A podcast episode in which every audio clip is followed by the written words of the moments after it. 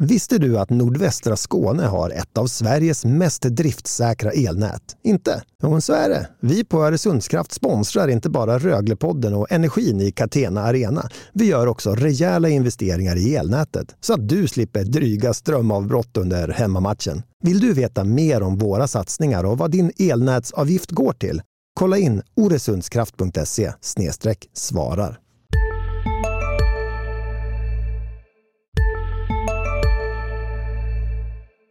Denna podcast presenteras av Skorönne, skobutiken med personlig service. We're here to win a championship. I mean, I'm not no no issue saying that. Well, that's why are we doing this? It's to win. I mean, I I don't think uh, anybody that's involved at this level uh, has any other intention. So let's not uh, be afraid to say that. Pappa och Rogge och jag tror de har ju ändå gjort något stort för klubben liksom och de var väldigt stora där och det är ju bara kul att jag och Lukas har fått komma upp i A-laget båda två också och föra Elvenäs vidare. För en vecka sedan var det Lucia, då blev det logiskt att koppla till Lucia-tåget och stjärngossar och dela ut dumstrutar. Ni fick ju några stycken, Linus du ett par och Daniel du gav det dig själv någon också. Den här veckan är det bara fyra dagar kvar till jul när vi spelar in det. Då kommer det bli utdelning av tomteluvor istället för Linus har tagit revansch. Mattias Hjelm heter jag, Daniel Roth står till höger om mig, Linus Hallin till vänster. Nu kör vi ett nytt avsnitt. Och var tar vi avstamp någonstans? Vi tar väl avstamp i eh, Rögle-Brynäs, en av de märkligaste matcherna den här säsongen, om inte den märkligaste med tanke på hur det ser ut. Eh, vi fick se ett Rögle som sköt 40 skott va? Mm. Och Brynäs sköt 18 och det stod 0-4 på resultattavlan när 60 minuter var spelade. Och eh, ja, det var ju en, eh, en match eh, som jag tror att många kliar sig i, i huvudet åt när de eh, lommade hem i, i decemberkvällen man hade behövt in intensitet i början av programmet. Rögle. I avgörande men var de, lägen. inte, de var ju intensiva i början. Jo, men i avgörande lägen när målchanserna dök upp. Ja, jag tänkte så här när jag såg eh, en del av matchen. Jag satt ju på redaktionen, ni var på plats. Och så såg jag målen. Och jag vet, hela jag är ju egentligen en stor överdrift va. Eh, så när jag pratar så, så pratar jag gärna i stora ord och överdrifter. Så jag ska försöka tagga ner det där. Men när jag åkte hit idag och tänkte på vad ska jag säga angående detta och så tänkte jag, jo men alltså de här två första målen de släppte in, egentligen tre, men det tredje är sånt som händer, man slår en galen passning som Curran gjorde och så blir det baklängesmål. Men de två första, det var inte långt ifrån känslan när vi spelade företagshockey, alltså att det överhuvudtaget finns på den här nivån förvånar mig. För det var hårresande alltså, att man kan göra sådana räknemisstag. Nu blev det kanske överdrivet kraftigt ändå, men det där, det, jag, jag var nästan chockad i för starkt ord, men väldigt förvånad. Ja, men jag hade en passage i min krönika där jag skrev om det att, att förr hände det ju ganska ofta sådana grejer. Att eh, det var friläge hit och dit och målvakter slida i krysset. Liksom. Man, jag tror det är lite grann anledningen till att du chockade är för att det, den typen av misstag görs inte så ofta längre. SHL är ju ganska robotaktig Eh, det är ganska sällsynt med grova misstag. Eh, och det var ju verkligen grova misstag som eh, föregick Brynäs två första mål. Ja, men jag vet inte om man såg sådana här misstag så ofta tidigare heller. Jag tänker om jag går ner på en division 4-träning i innebandy och ser mina backar uppträda så bakom mig blir jag tokig. Och att det då sker i Sverige, på högsta nivån i hockeyn i Sverige, det ska inte kunna hända. Jag vet inte om det är någon slags reaktion också. Ehm, Rögle har ju saknat Craig Shearer och Jonas Arnelöv länge. Du var också inne på det i din krönika Daniel att de backar som har fått spela eh, har gjort det väldigt, väldigt bra eh, under den här perioden. Men eh, i den här Brynäs-matchen så lyste det igenom lite den här orutinen som ändå finns i, i, eh, på backsidan eh, med den uppställningen Rögle har. Och det blir ju väldigt tydligt i sådana situationer också. Men jag tycker väl samtidigt att det Cody Curran gör när han spelar den passningen nästan i blindo bakom ryggen. Det är ju också en grej som är det får inte heller hända. Nej, det, är, det är sånt som är händer sant. men på den nivån så eh, när man ligger under med 2-0 och ett 2-1 mål där för Rögle nu hade de ju inte gjort mål om de hade hållit på till midsommar ändå men ett 2-1 mål där hade kunnat väcka liv i matchen i alla fall. Så det är också väldigt grovt tycker jag i det avseendet eh, vad gäller misstag. Men ja, jag vet inte på det här med Jo, backsidan. med. Men jag tänker också så, det hade väl varit konstigt egentligen om Rögle hade kunnat sätta ut den här backsidan som man har nu med tre tunga, tunga namn borta. Åtminstone två jättetunga. Om man hade kunnat sätta ut den här backlinjen som man har nu med någon man har grävt upp för juniorlag och spela match efter match och de hade varit lika bra som alla andra. Det hade varit konstigt. Eh, någonstans skrev jag också att, att att vara SHL-mässig, att hålla hög SHL-klass, det handlar rätt mycket om att vara konsekvent, att göra samma sak i varje match.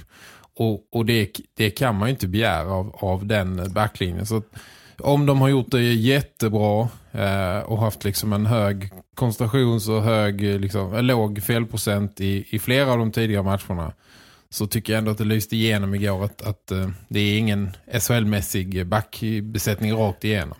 Nej, jag, alltså jag håller med dig delvis men inte fullt ut. Därför att jag, jag menar ändå att även om de inte är lika rutinerade som backarna som är borta så är misstagen på de två första målen, det är sådana otroliga räknemissar och sådana markeringsmissar att det, det går liksom inte att komma undan med att man har spelat bra tidigare eller orutinerad tycker jag. jag. Jag är jätteförvånad över att man, att man bommar så radikalt alltså. Jo, samt jag vet inte. Det är, det är tio, tio dagar sedan man spelade en match senast och det, det går rätt snabbt och helt plötsligt står två man fria och gör, mål i två, två grova misstag. Det, man kan, vi kan inte ska... Eh, jag vet inte hur mycket man ska liksom läsa in i det. Eh, eller liksom... Hur, stort man ska göra det, liksom att man går bom i två situationer. Det var inte så att Brynäs eh, hade den att det var ett mönster liksom att man hade eh, tio chanser av den eh, sort. De hade ju de chanserna och gjorde mål på dem eh, i stort sett.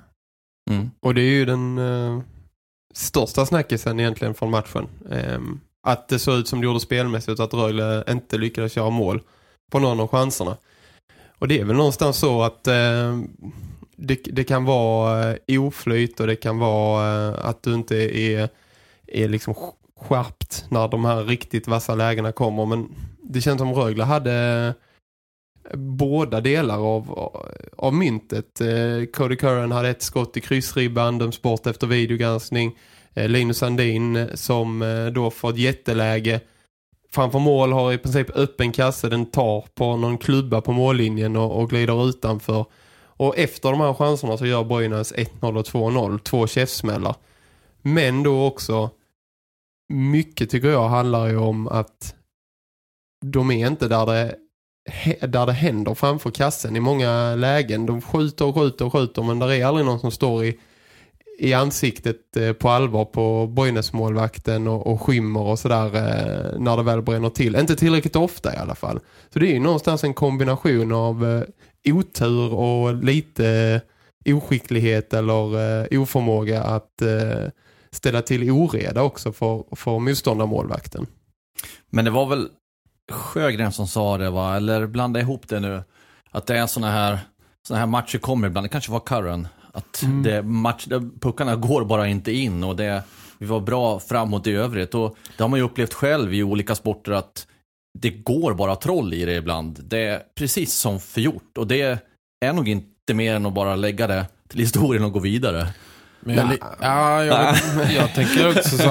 Och jag hörde, om det var Roger Hansson som sa direkt efter att liksom, eh, ja, gör vi, sätter vi liksom våra chanser där så kan det bli en annan, så blir det en annan match. Liksom. Men jag är lite inne på att jag tycker det är lite bedrägligt eh, sätt att, att, att resonera på. Alltså, jag blir det inte, blir det Nej, nu var jag på väg mot en liknelse som jag inte tar i hamn så jag skiter i den. Det var någonting med julafton. Eh, Synd, hade varit intressant. Hade kunnat bli en luva på den. Uh, nej men alltså jag, jag tycker att det är ett, ett lite större mönster än så. Uh, att det är kanske lite bedrägligt alltihopa. Det ser ut som att, uh, att Rögle är, är bra för tillfället. Det ser ut som att de skapar mycket och 40 skott låter mycket men jag tycker också som jag skrev att jag tycker att det, är, det har hänt någonting. De har lite glidit ur kurs. Det är inte riktigt samma team on a mission eh, som det var för en månad sedan där man liksom sket i alla omständigheter och bara brövla in skitet liksom. Eh, det händer inte längre. Nej, alltså det är, målskyttet är ju återkommande och eh, trots att Rögle har vunnit ett gäng matcher eh, ja, sen eh, då, vad blir det? November börjar, november är jättebra, då vann man på löpande band och sen har det gått trögare i december. Men då har det känts som, precis som du säger, att spelet har varit där. Men då man har inte fått in pucken och det har, det har liksom upprepas nu match efter match att ineffekt, alltså ineffektiviteten vi måste ta vara på lägena, det kommer i nästa match. Fortsätter vi så här så är det inga problem. Ja, ni vet hur det brukar låta. Men tittar man någonstans på, på statistiken så är det så att Rögle har spelat en match mer än eh, alla utom Linköping. Och sen har de spelat eh, två matcher fler än eh, Djurgården tror jag det är. Eh, och trots detta då att man har spelat flera matcher så har man gjort eh, 56 eh, mål framåt under den här säsongen. Och det är bara eh, Timrå och Mora som har gjort färre. Och det är någonstans lite talande ändå trots att Rögle ligger där man ligger i tabellen. Och det är en helt okej okay position men antal gjorda mål där säger en del. Och i min värld kan ju det vara då skillnaden om man eh, tar det här klivet man vill fullt ut efter nyår eller inte om man får igång detta då. Och eh, det gäller då att ha någon som kommer in och, och levererar och gör de här målen. Om man hittar det inom truppen eller om det kommer in någon utifrån. I min värld så är det, eh, precis som vi har berört tidigare, dags att, att hitta den här målskytten utifrån och gå in tungt på en, på en sån spelare. Är nu vi är oense? Ja, det är det faktiskt. Eh, eh, jag är inne på eh, Linus linje och därmed så väljer Linus linje? Ja, på Linus linje. Mm, kul. Och då är jag lite emot din linje Daniel som du skrev i din krönika för du sa att för tio nej, för en månad sedan då fanns inte det här problemet riktigt med målskyttet då. Det finns, därför kommer inte du be dem ringa till eh, Brian Lurg och fixa in honom igen för att det finns inom truppen. Just den här statistiken har jag också tittat på. Alltså målskyttet har varit ett kontinuerligt genomgående problem. Det har blixtrat till i matcher och det har varit perioder det har varit bättre. Men om man menar allvar med att eh, vara här för att vinna the Championship då kommer det inte hålla och inte ha en utpräglad målskytt som är tydligare när det kommer till slutspel, när det blir tajtare, det blir tuffare. Jag tror inte, så här långt efter 26 matcher, nej, jag, jag tycker den, den pucken saknas i laget. Jag tror inte riktigt som du där att det, det finns i truppen. Ja, men jag menar så här, det är klart att en, en, en grym målskytt skulle lyfta det här laget. Eh, men det är så, jag är bara jag tror inte på det resonemanget liksom att det kommer en, en riddare inridande och, och räddar hela laget liksom. Hur många ska de köpa? Ska de köpa sex målskyttar då? Nej, en. En? Ska han göra alla målen då? Nej, eh, det kommer han inte göra. Men om det finns en utpräglad målskytt så vet man i laget att det här är en som förmodligen kommer att kliva fram. Inte varje match, men som gör det kontinuerligt. Det vet man inte idag.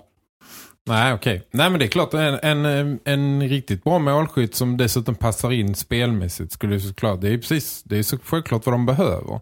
Men det, jag tror fortfarande att lösningen på det här lagets eh, effektivitetsproblem är, är inte en, en värvning. Jag tror det är, eh, det, jag, jag tycker det snarare handlar om ett helt gäng som har om man liksom tog närmsta vägen och, och brakar rakt på mål innan så så tar man hellre utsidor nu och, och, och har liksom någon slags skenbart uh, övertyg. Det ser ut, övertag ser ut som att man skapar hundra målchanser men när man kanske har blivit lite liksom eh, försiktigare eller bekvämare. Men, ja, men det, det är där jag menar att det, i min värld är det så att man är född till målskytt. Man kan utveckla sin skicklighet i det men Vissa föds till målskyttar. Man kan titta på de, det lag som Rögle mötte igår, Brynäs. De har gjort ett mål mer på 25 matcher än Rögle. Och det har det ju pratats om, om man följer riksmedia och övrigt, hur pro mycket problem Brynäs haft med sitt målskytte. Brynäs kommer inte heller att nå hela vägen på grund av det här, tror jag. Det, eh, och det, Växjö har, ligger trea här nu och har gjort 56 mål, precis som, som Rögle. Men jag tror att de också kommer att falla på det. Det blir något av de lagen som har mer målskytte i sig. Och nu har det gått 26 matcher. Har man inte kunnat hitta den effektiviteten på 26 matcher, då är jag inte så säker på att man kommer att hitta den under återstående 26 heller. Nej. Det finns ju mer statistik att plocka av liksom, eh, på de här 26 matcherna. I nio matcher har Rögle gjort eh, eh, tre mål eller fler. Och i 17 matcher har de gjort två mål eller färre. Så i 17 av de här 26 har de inte lyckats göra fler än två mål. Och det säger ju också någonting. Precis som den interna skytteligan gör. Där är Cody Curran eh, back, Ted Brithén center, delar detta på sju. Sen följer liksom ett koppel av forwards. Leon Bristet har gjort sex mål, han är ensam trea där. Eh, och sen är det Taylor Mattsson eh, på fem, Lissar, Höglander, Sandin. Och Kristoffer Bengtsson har gjort fyra var. Så där är ju ett glapp, där är en tydlig lucka eh, när man ser hur det sett ut de två, nu ska vi inte tjata om Brian Lugg, men hur det sett ut de senaste säsongerna då har han legat kanske på i alla fall 10, 11, 12 mål vid den här tiden. Mm. Och de målen betyder ju så sanslöst mycket poängmässigt också när man räk räknar ihop och summerar. Jo, det är klart. Och, och det är klart, de har, deras powerplay hackat. Det är klart, får man in en, en kille som Lurg var ju, även om laget var, var risigt så, så hade man ju ofta ett anständigt powerplay med tanke på att Lurg bankar in 20 mål per säsong. De flesta är i, i powerplay. Så jag, jag ser inte emot det. Det är klart att eh, det här laget skulle må bra av att få in en målskytt. Men jag tror samtidigt som, som det här laget är uppbyggt så, så tror jag inte att det, det är en miljö liksom som för de har 20-målsskyttar heller. För att det bygger ganska mycket på, på kollektivet och, och fyra liksom, hyfsat likartade enheter där alla, alla går hårt. Och jag tror snarare på att, att för att liksom lyckas så ska de kanske få upp... Eh, ja, utan att säga exakt antal, men få upp en massa skyttar eller på, på en 10-12 mål istället för att ha en som gör 20 eller två som gör 20. Det, det är resonemang kan jag köpa. Men frågan är om det finns tillräckligt av de spelarna som går upp på den nivån i laget. Nej, det som, det som lite grann förbryllar mig är, är att, eh, att det ändå det ser ju ändå ganska liksom eh, ser verkligen ut som att de tror i, i nästan alla andra eh, avseenden på banan. Man såg ju igår liksom hur Britannkedjan och den andra så där man ju verkligen tillbaka liksom på, på, um, på spetsigt humör liksom och börjar den första. Jag förstår inte hur man kan vara så dominant i spelet och spela sig till eh, så mycket ändå målchanser som de gör med, med liksom eh, fart och attityd och sen när, när chanserna kommer så, så, så precis som att modet sviker liksom rakt över hela linjen. Och det såg man också under hela matchen att trots att Brynäs gjorde ettan, de gjorde tvåan och även när de gjorde 3-0 att det var ingen i Rögle som vek ner sig tyckte jag rent spelmässigt eller attitydsmässigt. Man fortsatte att mala på och försökte skapa chanser och skapade ju chanser också. Sen gick det ju till eh, det här sista bytet när man till och med tar ut målvakten, ligger under med 4-0 för att psykologiskt spräcka den här nollan och få in pucken. Och Daniel sa sköt väl sex skott eh, i, i det här sista bytet. Frustrationssköt för att bara få in pucken eh, och i alla fall kunna säga att vi, vi gjorde målet i alla fall. Ta med sig det in i, i det här lilla, lilla breaket av juldagarna nu. Men ja, det, ja, det, säger, det säger en del tycker jag att de, eh, attityden finns där i laget. Men också då det du är inne på Daniel. Jag menar också, men de gör inte längre de här målen när man eh, med skott och styrning och, och, och viftar in alla returer som man gjorde. Om man går tillbaka till den tiden när de, när de vann rätt så mycket matcher. Det, det var inte mycket det var inte bara liksom, skott i krysset och eh, Elias Pettersson mål liksom. Det var ju skitmål eh, som man bökade in och fick i röven och eh, studsa in i ryggar och armar och, och det är den typen av mål som man gör när man är eh, liksom i skiten. Ja, och det är ju därför det är en förenkling att säga att eh, ja, men, det, det löser sig om vi fortsätter så här. Mm. Eller hur? Det är ju därför, precis därför det blir eh, eh, en liten fara att tänka på det sättet. För det handlar ju inte bara om hur många skott du skjuter utan det handlar om hur skjuter du, Exakt. vilka är framför, hur skapar du dina lägen och hur ser de ut. Du ser bekymrad ut igen. ja, det, uppstår så många tankar i mitt huvud här samtidigt nu. Nu har jag inte pratat på ett tag så jag vet inte var jag ska... Vi pratar så mycket så Jag vet går... inte var jag ska börja någonstans. Det går bara runt, runt nu i din skalle. Ja, det gör det. det, gör hugg, det. Hugg tillbaka. Kan du inte säga att vi är ute och cyklar? Eller ja.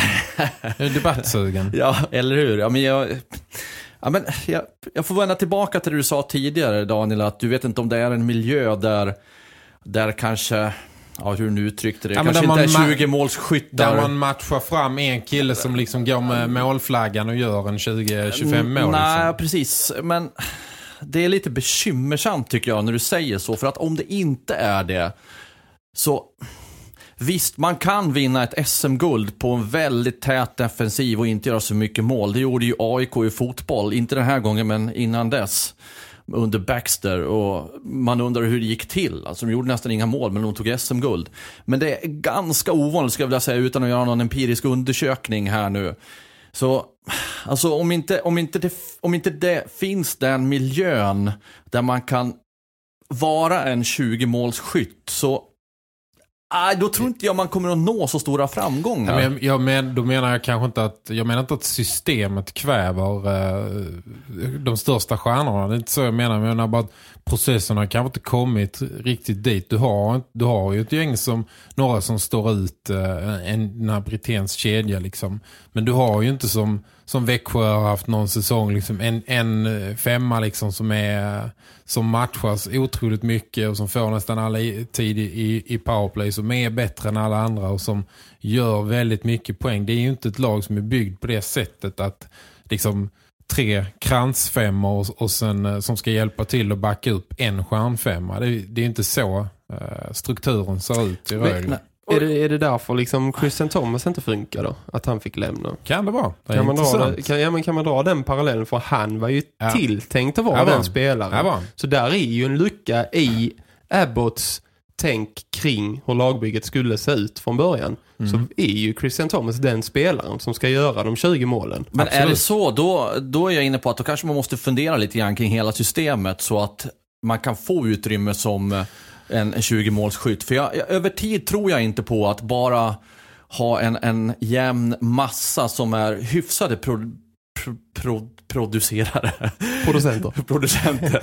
tack, tack för det. Eh, det är det ena. Men sen måste jag också eh, lägga in en ett annat eh, vedträ i den här elden när ni pratade om Eh, att man, det är inte puckar som studsar på ryggen, det är, man är inte där framför mål och styr in pucken. Och det känns som att ni kanske glömmer en faktor här och den vill peka på att under säsongen så sker en utveckling också i de andra lagen. Man lär sig mer hur ett lag spelar, man tar steg framåt själva, man kan ha sett att okej, okay, Rögle gör sina mål på det här sättet, man stänger till mer i defensiven. Så att det är liksom orsak och verkan är ganska svårt. Har du också valt att bli egen? Då är det viktigt att skaffa en bra företagsförsäkring. Hos oss är alla småföretag stora och inga frågor för små. Swedeas företagsförsäkring är anpassad för mindre företag och täcker även sånt som din hemförsäkring inte täcker. Gå in på swedea.se företag och jämför själv.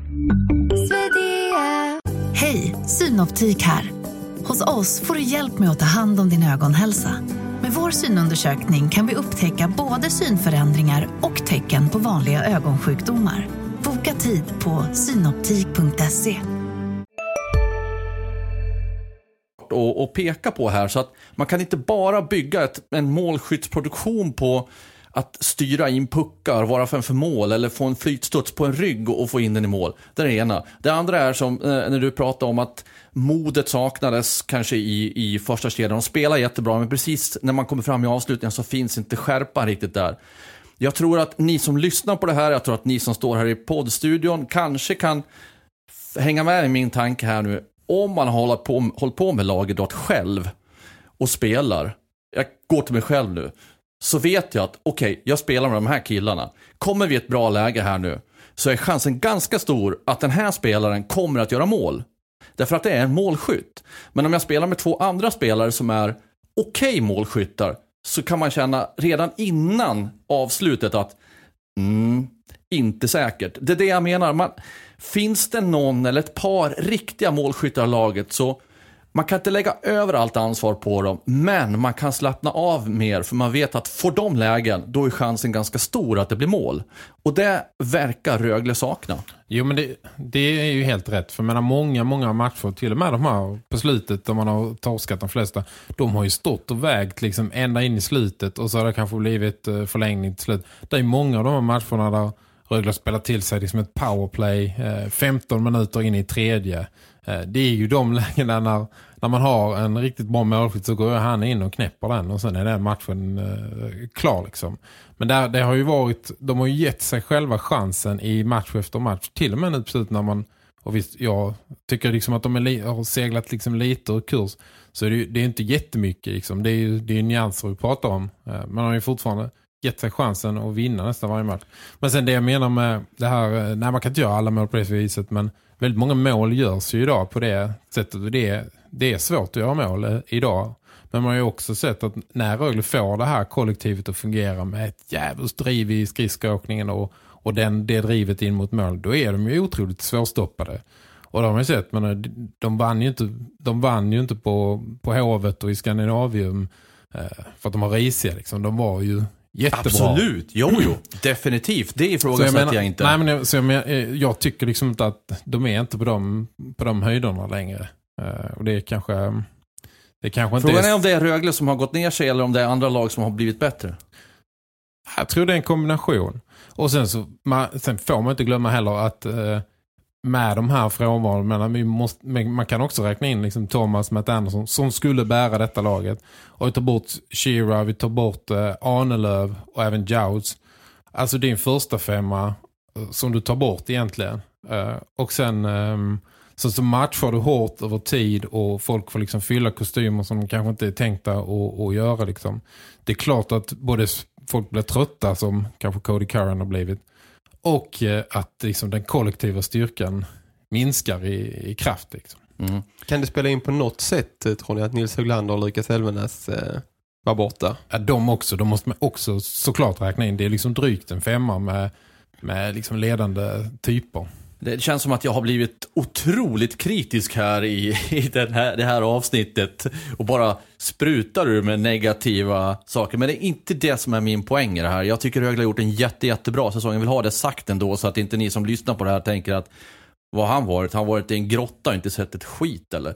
Men vi pratade om just målskyttet och det är där jag tycker man kan hitta eh, saker att kritisera. Men det är ju superintressant det resonemang som du påbörjar Linus med Thomas. Liksom. Jag nämnde offer för systemet men man kan ju lite grann koppla Lukas Elvenas också till det som är väldigt liksom skiljer sig lite från resten liksom att eh, kan man hitta De spelartyperna måste ju eh, kunna fungera maximalt och hittar man en form Exakt. för det.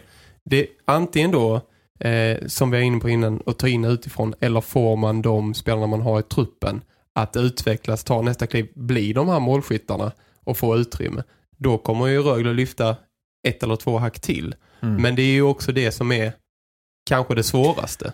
Det kan vara så att jag har gått för fort fram i min process i huvudet också. Man ska ha klart för sig att det är en del som inte har spelat så mycket på den här nivån och, och allt detta. Så att, nåväl, ska vi släppa målskyttet kan vi göra? och gå vidare på en som kanske skulle kunna vara en blivande målskytt. Trevor Min Mingoya. Nyförvärvet, en, en ja, Jag ska bara säga att jag kallar honom för Magnolia när vi pratar och sen dess har, jag, har det blivit helt uppfuckat i mitt huvud. Jag kan inte säga hans namn längre. Okej, eh, men där är det ju läge för första luvan, tomteluvan, att delas ut till Linus. Som ju fick en dumstrut förra veckan, men eh, här har han en tomteluva till godo eftersom... Vad innebär det för en tomteluva? Ja, det, det innebär ju att man ändå har prickat rätt. Man har gjort något bra. Man har varit rätt ute i sin analys. Okej. Och Vad har han varit rätt ute med nu då? att det skulle komma in en värvning. Ja, men då har du sagt flera veckor i rad. Slut Ja. du rätt. Ge mig luvan, jag vill ha den någon gång. Då, då vill jag passa på paxan att det kommer lossna för Rögle. Okej, det, kan, det kan bli en Så ska tom- jag ha en... eh, Ja, du ska få en luva ny- i så fall. nyårsdräkt. Ja, ja, ska få tomteblås i så fall. Nej, nej, men det är rätt. Vi ger dig en uh, tomteluva. En halv för det var väldigt sent, men ja. Eh, men det är ju så att ehm, eh, han är inlånad från, eh, kan vi dra det lite kort, inlånad från eh, Västervik där han gjorde 24 poäng på 26 matcher. Eh, gör sin första säsong eh, i Europa. Eh, college-spelare som eh, då eh, Rögle har tagit in i fem matcher totalt initialt och det var då första mot Brynäs. Sen är det väl säkert så att eh, gör han det bra eh, i Rögle de här matcherna så finns det väl borde finnas någon option för Rögle att lösa honom från Västervik. Jag vet inte, men jag tror, jag tror inte han behöver göra dundersuccé för att bli kvar resten av säsongen. Jag har bara en känsla av att de behöver folk och, och känns han någorlunda eh, rätt kille så gissar jag att de har, kommer att dra loss honom. eh, Att de har liksom, marknaden verkar vara så pass begränsad och hittar man en, en kille som verkar funka så, så köper man nog loss honom. Nu såg ju ni honom mot Brynäs. Vad, vad gav han för intryck? Fick ni någon känsla? Ja, men jag tyckte det väl det såg ut som man kunde förvänta sig av den eh, typen av spelare. Första matchen i SHL tappa puck lite på onödiga ställen när eh, det syntes då att han var van att ha två sekunder extra i vissa sekvenser och bli med pucken istället. Han åkte runt lite så här, här kan jag köra såsa lite. Nej, det kunde jag visst inte för då kom det någon och tog den. Ungefär som Curran i början av säsongen. Lite så ja. Men jag tyckte också man såg offensivt vid ett par, tre tillfällen att han eh, blixtrade till eh, och hade ett, eh, när han kom in i offensiv zon speciellt ett eh, hyfsat lugn med pucken. Och han gjorde också sitt första mål, trodde alla i slutet. Det var också komiskt för... Eh, med tanke på hur matchen såg ut. Han gick runt kassen och la in det här 4-1 målet då. Och det var liksom ett jubel i Linda Barena som inte handlade om glädje utan om bara lättnad och någon slags frustrationsjubel från publiken. Men han hämtade sin... Eh, Daniel Weding tog pucken och skulle igenom det första SHL-målet. Att han fick pris som eh, Rögles första målskytt. Eh, och sen blev det videogranskning. Och då sa vi, han kommer att få lämna tillbaka den. Det är en sån kväll. Det är en sån kväll. Och precis så blev det ju. Så han blev av med det målet. Men Vad, vad, vad gjorde han för fel?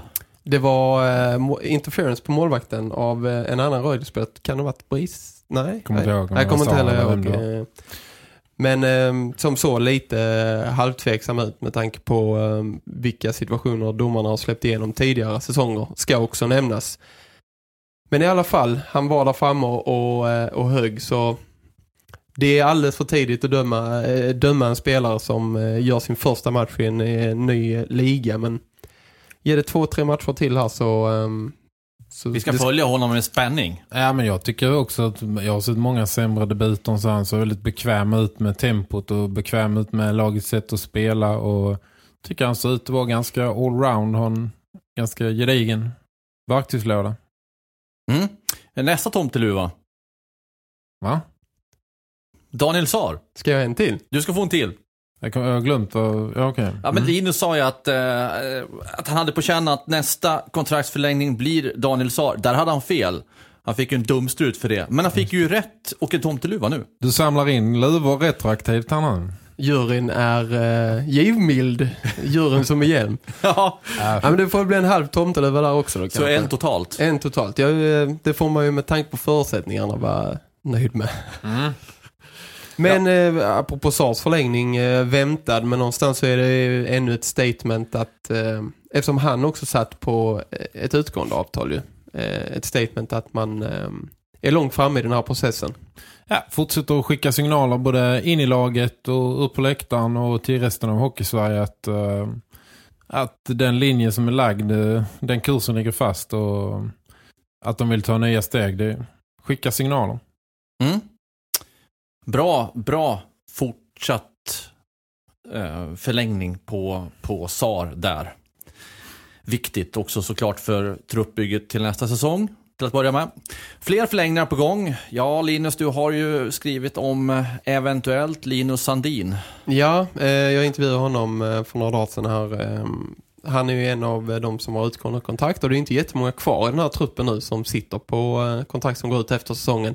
Linus Sandin är en av dem och ehm, ja, man får ju ofta känslan eh, då när man intervjuar eh, spelare när man pratar framtid vad, vad som ligger i luften och så och om SAR har känts eh, helt öppen med att oj, ja, jag, jag vill stanna, jag är jätteintresserad. Det har jag varit hela vägen men Sandin var mer som en, en stängd bok som man fick någonstans bända upp för att få svar om framtiden. Så det känns som att den kontraktsförlängningen är, och jag vill poängtera, det är bara min känsla, eh, men att den är längre, längre bort. Men eh, vi kan ju addera min känsla eftersom jag var den som satt bredvid dig när du skrev den och korrläste texten. Och jag reagerade ju också så att oj, här bjöd han inte på mycket i det här svaret. Så Nej, min det- känsla kanske förenas med din där. Ja, men tiden går. Det är en ung pojk. Eh, han har visat sig duglig på den här nivån och eh, kan spela både center och ytterforward. Det är klart att det är eh, så här års så signas det kontrakt under bordet till höger och vänster. Det är klart att andra klubbar är, är intresserade av honom också.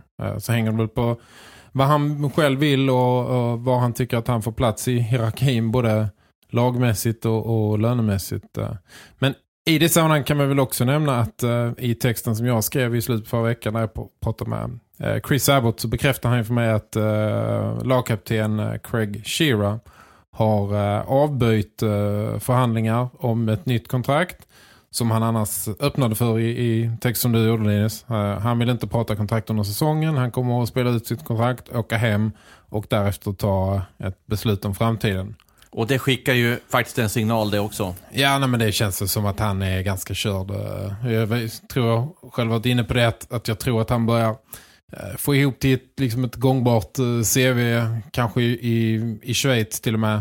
Eh, han är i 30-årsåldern och ehm, ska vi skriva något, något tungt kontrakt till. Ehm, jag tror att det är... Ehm, han, han, det är nog stor risk att han, att han lämnar efter säsongen. Ja, och till stalltipset, om det nu blir så är ju just eh, Schweiz. Med tanke på han har familj och allt vad det innebär och jag menar dra, dra med barn och, och, och så till Sibirien kanske man inte är så sugen på att spela i KL. Så antingen en storklubb i KL och där har han väl kanske inte riktigt meritlistan för att hamna. Eh, eller då eh, till någon schweizisk eh, högsta ligaklubb. Don Tangnes kanske behöver en första back i Zug. Ja, precis, precis. Men eh, man vet ju aldrig med de här spelarna heller ehm, vad som eh, sker. Det är ju ehm, det såg man ju också med Brian Lurg eh, att det var ju, om jag förstod det hela rätt nära, att han signade med Rögle ett år till men till slut lockade mer att spela i Schweiz. Så. Vi får se. Det Ja. kanske avgörs också liksom vad som händer andra halvan av säsongen här. Var, var han tycker att detta tar vägen. Och med, om man kan hålla sig skadefri och så också. eh, Det kan ju påverka hans marknadsvärde. Han, han sitter också i skyltfönstret. Mm. Blickar framåt också. Ja, inte så långt fram som till nästa säsong och kontraktskrivning utan mellandag och inte mellandagsrea utan mellandagshockey. Man kan väl säga att det är ett kort jullov för Rögle. Eh, klockan 15.00 tror jag på juldagen så är det träning. Och ehm, sen så spelas det match eh, 26, 28 och 30. Örebro borta, Djurgården hemma, Frölunda borta. Och jag är så lyckligt lottad att jag är lottat, lottad att jag är i Örebro på annan dag eftersom jag har familj där uppe. Så jag kommer nog gå, befinna mig i Bern Arena. Stort. Och sen är det Djurgården som du sa, Västra Frölunda. Vad säger ni om spelschemat då? Jag har ju en åsikt där. Mycket konstigt att jag har en åsikt, men jag har en åsikt. Shoot. Örebro, det vet vi. Rögle har otroligt lätt för Örebro. Uh, visst, ny tränarkonstellation, men ah, Örebro det är ju nästan tre lätta poäng. Djurgården hemma. Låter vi på väg mot ett klassiskt hjälmresonemang. Djurgården hemma. Betydligt... Inga problem. ja, Djurgården hemma. Det kan nog bli, ett, kan nog bli en sadden där alltså. I alla fall en poäng. Och de förlorar ju i, på, i sadden eller straffar. Så att en poäng mot Djurgården. Västra Frölunda borta. Frölunda, det, det är ju en känsla. Västra Frölunda, det heter ju bara Frölunda. Ja, Varför har du skrivit det. Västra för? Ja, men jag har varit med sedan 80-talet. Då hette Ja. de Västra Frölunda. Vilken tur att jag kom på mig själv. Uh, står och tittar på whiteboardtavlan. Frölunda borta. Frölunda som alla säger är så sjukt svårt och sådär innan. Men när man tittar på dem och tittar på hur det har gått i vissa matcher så är de ju inte, de är ju inte där som någon slags wow, outstanding lag. Det kan ju, ja, det kan, och Rögle är ganska bra borta dessutom. Så det, ja, jag säger en trea där också då. Sju poäng av nio på de här. Ganska enkelt spelprogram i jullovet. Alla in. Slå honom i huvudet. Eh, jag tror att eh, Rögle tar eh, poäng, kryssar mot eh, Örebro borta. Jag tror att de slår Djurgården hemma och sen tror jag de förlorar mot Frölunda. Så vad blir det totalt då? Det blir fyra poäng. Fyra? Kanske fem om de eh, vinner sin första förlängning. För de brukar som du säger vinna mot Örebro. Men Örebro har fått ett lyft så Rögle vinner sin första övertid eller straffar bort mot Örebro. Sen slår de Djurgården under ordinarie tid. Ja, kan ni få roa med att tippa så skiter jag i det. Åh, det var så fegt. Åh, så fegt. Riktigt fegt. Vi ska dela ut tomteluvor sen. Ja, det där är ju vi- verkligen en När vi dumstrut. summerar det här tipset. Hur många poäng har du? Sju? Sju ja. Jag har fem då. Okej, två he- borta mot Örebro, noll hemma mot Djurgården, eh, tre mot Frölunda, fem då. Vi är överens om att Frölunda inte är så jättebra då, Daniel. Mm, ja, det vet jag inte. Jo, ja. Nej, det är det vi kan. Men jag tror, det jag skulle säga var att det ser ut som ett tufft program. Örebro lite på nytt för att uh, Djurgården är tuffa. Det är ett tufft program. Jag tror kanske det är precis vad de skulle kunna behöva nu. Uh, inse att nu måste ju nog ner i grottan och, och köra liksom. Mm. Ja, tufft. Då hade ju Färjestad varit med där såklart. Okej. Och Brynäs, som de har jättesvårt för Brynäs. Ser Ja. ganska överkomligt ut. Nåväl. Eh, spaningar, har vi några sådana? Ja, alltså, jag önskar, vi har ju sagt, eller har skrivit att det skulle ju finnas en webbkamera här inne så att vi kunde köra någon webb live eh, podd så.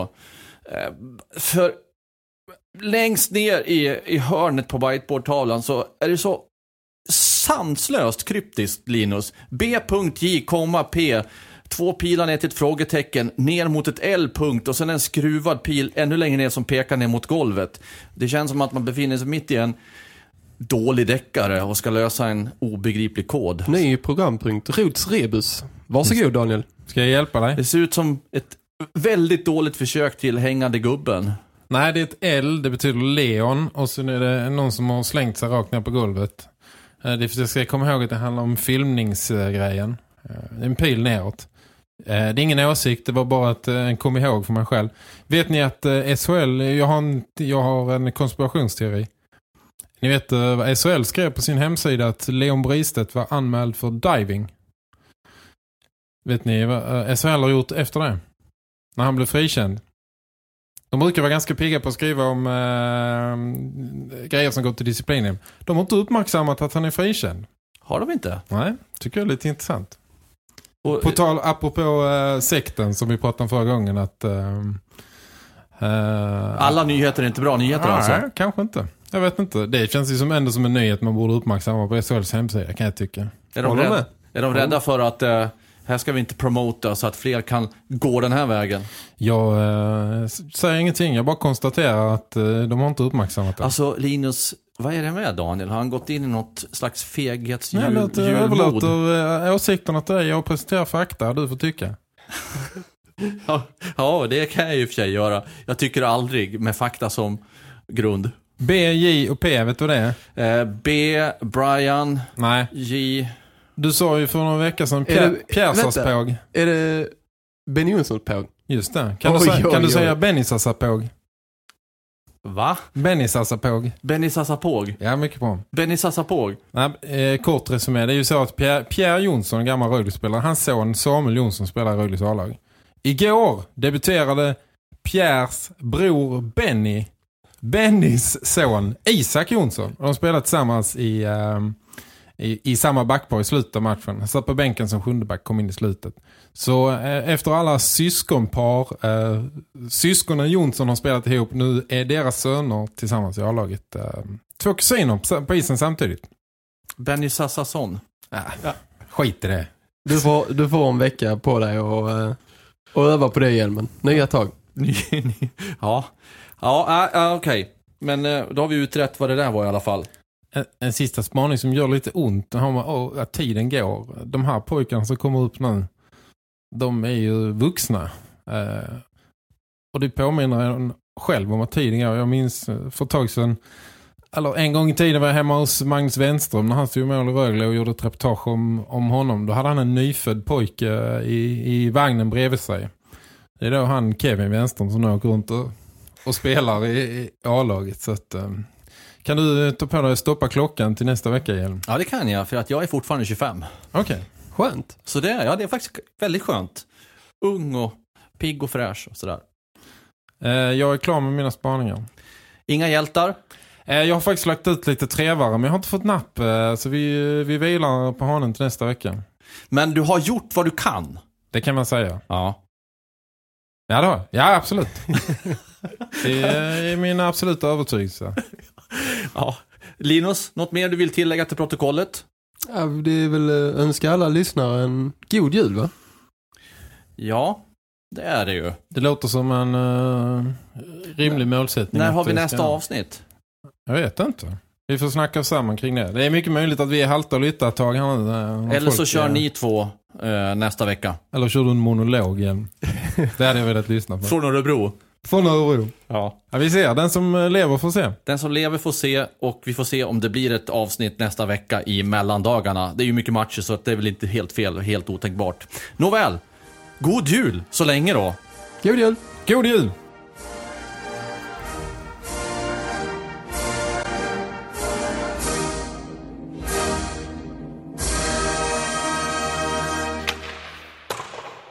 Denna podcast presenteras av Skor-Rönne. Skobutiken med personlig service. Hej, Susanne Axel här. När du gör som jag och listar dig på en av Krys vårdcentraler får du en fast läkarkontakt som kan din sjukdomshistoria.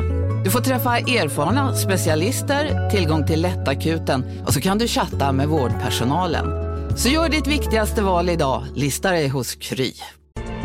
Kurrar dig i magen och du behöver få i dig något snabbt? Då har vi en Donken deal för dig. En chicken burger med McFeast-sås och krispig sallad för bara 15 spänn.